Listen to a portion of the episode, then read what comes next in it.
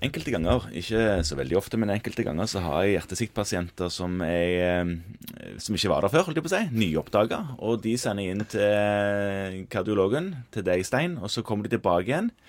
Ofte med medisiner som jeg ikke har hørt så veldig mye om. Og så er det da spørsmål, og så står det ikke så mye i epikrisen om hvor lenge skal de bruke medisinen, er det noe oppfølging, er det noe vi skal kontrollere? Det er en del nye medisiner der. Er du enig, Kristian? Er... Ja, der, er det. Og så tenker jeg at en annen utfordring med de pasientene der er jo ofte liksom, Hvem er det som har ansvar for å passe på dem? Fordi at vi sitter jo med et sånt overordnet pasientansvar som fastleger.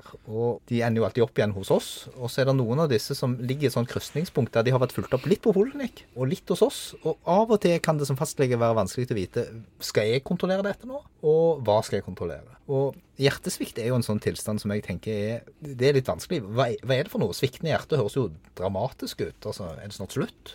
Og så vet jo vi at det er noen svikter som er milde og lette, og så er det noen som er vanskelige. Og så har vi lært eh, på studietiden lært om noe sånn NYHA-klassifikasjon, gjorde vi ikke det, Morten? Ja. Som jo onde tunger, meg sjøl inkludert, av og til har snakket om at det handler mest om hvor fort du klarer å gå på en trapp, eller om du klarer det i det hele tatt. Og sånn sett kanskje ikke sier noe om hjertet isolert sett. Vet du hva, Kristian, Nå må Stein få si noe som er kardiologen her. Stille spør må stille spørsmål. Så spørsmålet er, er det noen pasienter som du i dag ser på din sviktpoliklinikk som du tenker at dette her kan fastlegen godt ta seg av? Ja, altså, Hjertesvikt er jo en utfordring, fordi at det er jo en beskrivelse mer av et symptom enn av en årsak. Og eh, Hos pasienter som har hjertesvikt, så er det jo en, et haug med forskjellige årsaker. Og Nå har vi også fått dette nye begrepet som heter HEFPEF som betyr at du faktisk kan ha hjertesvikt selv om du ikke har redusert ereksjonsfraksjon. Altså denne ultralydbaserte parameterne vi bruker for oss å si at det står dårlig til med en pasient med hjertesvikt. Og I dag så skiller vi oss mellom to forskjellige typer hjertesvikt. Merker du at det begynner å bli slitsomt allerede? ja. ja så bra. Nå begynner det å bli utfordrende. Ja, mm. fortell. Nei, altså det, det, det går på, er jo at hjertet ikke klarer å levere ut i kroppen det som det er nødvendig for at uh, det skal fungere. Uh, og det kan skyldes at hjertet blir stadig mer utvida. Det er den tradisjonelle måten å tenke hjertesvikt på. Som man ser f.eks. med klaffefeil, eller etter et gjennomgått hjerteinfarkt, eller med betennelser eller medfødte tilstander, som gjør at hjertet gradvis utvider seg. Og her er ACE-hemmerne og A2-blokkerne disse medisinene vi kjenner gjennom alle år. så Helt fantastiske midler. Og det er de fremdeles, faktisk. Det har kommet nye midler, det som heter Entresto, som inneholder en mye mindre dose med en angiotensin 2-reseptorantagonist, som vi kjenner gjennom som Valsartan, eller som er Diovan. Og en medisin som bl.a. gjør at mengden av BNP, som er et slags naturlig forekommende Eh, vanndrivende hormon i kroppen, at det øker. Så du har en slags diuretisk effekt, en hormonell endogen effekt, pluss at en liten dose angiotensin 2-reseptorblokker. Det er et medikament som har hatt én studie som har vist at det virker, og det er nytt. Problemet bare er at vi er fremdeles litt usikre på hva det egentlig er for noe.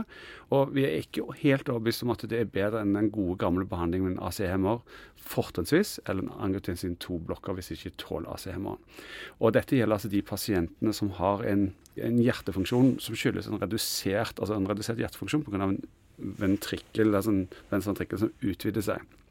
Så har vi det andre problemet som vi kjenner igjen med hjertesvikt. Det er disse som har stenoser på pulser, altså på aorta eller disse såkalte HFPF-pasientene, som er sånn typisk eldre damer med mange år hypertensjon og diabetes, som kommer til deg på jobben og så sier det at eh, jeg har den tungpusten, doktor, og hver gang jeg prøver å bevege meg, så blir jeg så tung i pusten, og så klarer jeg ikke å bevege meg, jeg orker ikke bevege meg lenger. Mm. Og Det er et økende problem i vårt samfunn.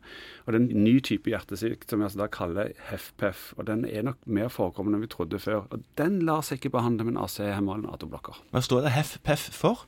Det står for heart failure med preserved ejection fraction. Eh, som ja. egentlig skyldes Mekanismen er egentlig at etter mange år med hypertensjon og diabetes og gjerne litt eh, adipositas, eller mye adipositas, et metabolsk syndrom, eh, så mister evnen, altså hjertet evnen til å utvide seg. Ja. Og Det betyr at det er bare konstant slagvolum som kan sendes videre. Så hvis du f.eks. skal være i fysisk aktivitet, så må hjertet vanligvis være litt elastisk, sånn at det kan ta imot mer blod fra høyre ventrikler fra lungene, som kan sendes ut i kroppen, sånn at du får blod ut i kroppen. Men Noe av det vi før kalte for en restriktiv svikt? Ja, for restriktiv Eller en diastolisk svikt? Diastolisk svikt kanskje mer. Ja. Ja. Det kan godt kalle en diastolisk svikt på en måte.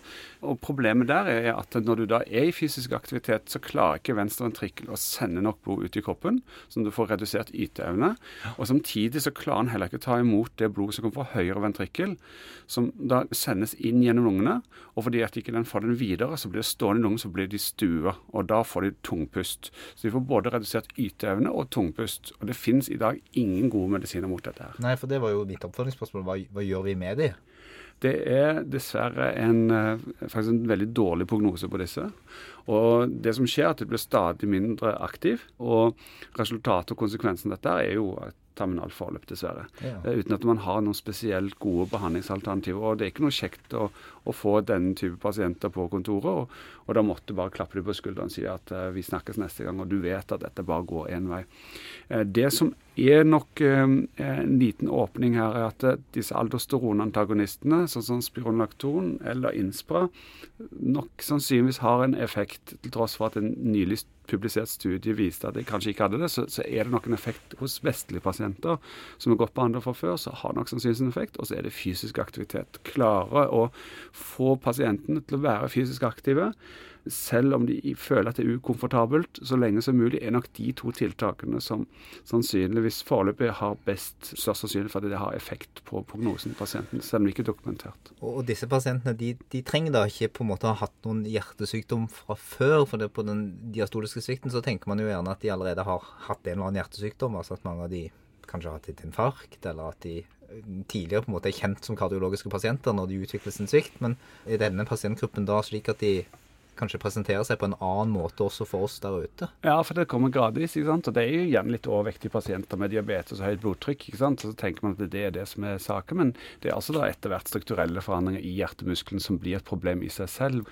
Og, og dette er jo et uttrykk for at det, det, å være flink til å behandle diabetesen, det å være flink til å behandle hypotensjonen, og det altså å unngå metabolske syndromer, det er et kjerneområde for en allmennpraktiker for å hindre at man kommer i dette endestadiet som det dessverre ikke er noen god behandling for. d'accord.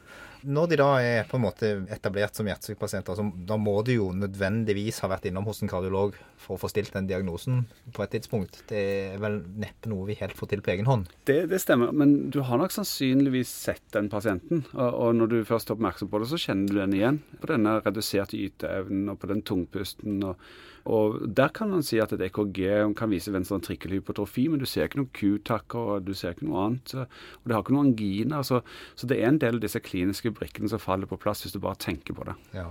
Er dette pasienter som vi da typisk følger opp selv med kontroller? Er det, altså, Onde tunger vil jo si at hvis prognosen er dårlig og det ikke er så mye å gjøre, skal vi kontrollere det i det hele tatt, eller?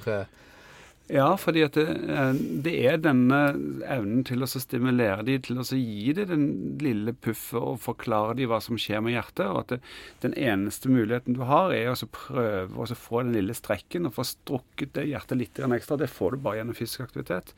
Og i motsetning til en restriktiv diastolisk problem, som ble nevnt her for litt siden, så snakker vi om restriktive lidelser ofte som noe som sitter i perikard da hemmes også høyre ventrikkel sin funksjon. Men her er det altså en høyre ventrikkel som den slår vilt. og Derfor så gir han stuvning med en gang hjertefrekvensen går opp. Så pusher den masse blod inn i lungene, så du blir tungpustet også. Så i motsetning til en situasjon hvor du har en perikard rundt, som på en måte holder både høyre og venstre ventrikkel inne, så har du altså her en venstre ventrikkel som er dominerende skade. Og, og det er en av de tingene som pasienten må vite om. Og det som vi sier med en del andre tilstander der det er en, på en måte en begrensning, f.eks. ved en en alvorlig kolssykdom, så sier vi jo at det å, å, få trent resten av kroppen til å fungere bra med det lille blodet og det lille oksygenet den får, vil alltid være et pre for langsiktig prognose. og Det tolker jeg det da ditt at det gjelder også i dette tilfellet. Veldig mye sånn. Du kan tenke deg at dette er jo snakk nesten om en kardial kontraktur. ikke mm. sant? Og hva gjør du med kontraktur? Og Forebyggende kontraktur det er jo bevegelse. Og, mm. og, vi vet at fibrosering, som er en viktig, veldig viktig del av denne mekanismen her, vil jo bare fortsette så lenge ikke du strekker hjertet. Du, du må sette det på strekk og, og prøve å motivere pasienten så langt det er mulig, og så fortsette med det. Vi snakket litt om de andre hjertesviktene. Da. De vanlige, gode, gammeldagse dilaterte hjertesviktene med dårlig ereksjonsfunksjon. De, de, dårlige pasientene der de har vi kanskje ikke så mange av i hver enkelt praksis. Eh, Vi sitter med lister på 1200-1500 pasienter, og det er klart at volumet vårt blir ikke så stort av de pasientene. Så det mange føler seg usikre på, er jo hvordan skal disse følges opp? Hvor ofte skal de gå på kontroll? Kan jeg kontrollere de selv, eller skal de gå på en sviktpoliklinikk? Og så har vi hørt at sykehusene har sånne flotte sviktpoliklinikker med egne hjertesviktsykepleiere som ordner alt sammen på en fortreffelig vis. Og da kan man lett tenke at det er god kapasitet der, og at det sikkert er naturlig at de skal gå der. Mm. Men, men altså her er det jo, dette er jo veldig takknemlig pasient å håndtere, for det er ikke så vanskelig som man skulle tro. Altså I prinsippet så spiller man ball mellom hjerte og nyrer her. Eh, Det man gjør, er at man avlaster hjertet gjennom å jobbe med nyrene. Så De medisinene som man bruker, sånn som ACE-hemmere og diuretika og aldosteronantagonister, de har sine primære effekter gjennom nyrene. Da sier det seg selv at hvis man laster mer på nyrene, så vil endringer i nyrefunksjonen, forbigående eh, f.eks. dehydrering eller overhydrering, vil påvirke disse medikamentene. Og Som behandlende og ansvarlig lege så må man håndtere pasienter med hjertesvikt hele tiden. Og det er i type sånn som vi er nå med influensaperiode, eller andre situasjoner hvor det er økt saltinntak f.eks. omkring jul, eller på sommeren hvor det er altså man svetter og får mindre væskevolum, så må man lære pasienten, og man selv også forstå at da må man justere diuretikadosen. og Man må av og til opp altså når man inntar mer salt og vann, og så må man så særlig diuretika å bruke det, det er viktig. Og Der anbefaler jeg at man er flinkere til å bruke daglig kroppsvekt før man går og spiser frokost bruke en rimelig grei vekt som man måler, og så følger man med på sin egen endring i kroppsvekt. Det kan pasienten lære seg. Og Hvis man da tar med sin liten dagbok, så har man en god kontroll på det når man kommer til sin lege. Og Da er det viktig at man lærer pasienten å bruke diuretika. Det vi ser er at det Utfordringen med diuretikabruk er at mange pasienter tror at når vi tisser mer, så må vi drikke mer. Det er klart at det er jo, måte, Da er det jo ute å kjøre, fordi at det vi gjør med diuretika, er jo faktisk å trekke ut saltet av kroppen. Og, og tilfører du mer vann, da, så får du lav natrium. ikke sant? Det er jo, så, så det er det ene problemet. Det andre problemet er det at mange pasienter lar være å ta diuretikene sine fordi at de ikke orker å gå så mye på do. Mm. Klart Hvis du er dårlig til beins og ikke ønsker det, så, så lar du være å ta diuretikene. Da blir du lagt inn på sykehus med sære, og det må vi avvæske pasienten for 12-15 kilo ikke sant, med vann. Og Det er klart det er ikke så, så, kult. Og Det dreier seg mye om å kommunisere med pasienten og lære dem at det å bruke diuretika er noe du skal gjøre sånn ved behov, og at du skal holde en ideal kroppsvekt. og Det kan du altså da monitorere med en enkel måte å, måle vekten hver måned. Og Det er da fortsatt noe vi utmerket godt kan håndtere selv i annen praksis? Veldig, og dette er viktig å gjøre. Og, og det er ikke så vanskelig som det høres ut. Tenk hjerte-nyre-forholdet og, og, og, det å holde en, en jevn væskebalanse som det kjernepoenget. Så litt blodtrykk, litt vekt og passe på nyrefunksjonen, ja. så kan vi følge opp disse pasientene ganske godt på egen hånd. Stemmer, men ikke vær så redd for at blodtrykket skal være lavt. For i en hjertesiktsituasjon, når vi snakker om den tradisjonelle hjertesikten med dilatert venstreventrikkel, så ønsker man et lavt blodtrykk fordi at det avlaster hjertefunksjonen betraktelig. Og har pasienten en grei kreatinin, altså en stabil kreatinin, og ikke noen symptomer, så gjør det ikke noe at du ligger og, og vipper rundt 100 systolisk. Jeg har ofte sagt til mine at så lenge du ikke er svimmel og faller over ende og brekker lårhalsen, så skal jeg være fornøyd med et lavt blodtrykk. Ja, skal vi offisielt komme med noen uttalelser på det, så kan det fort koste penger.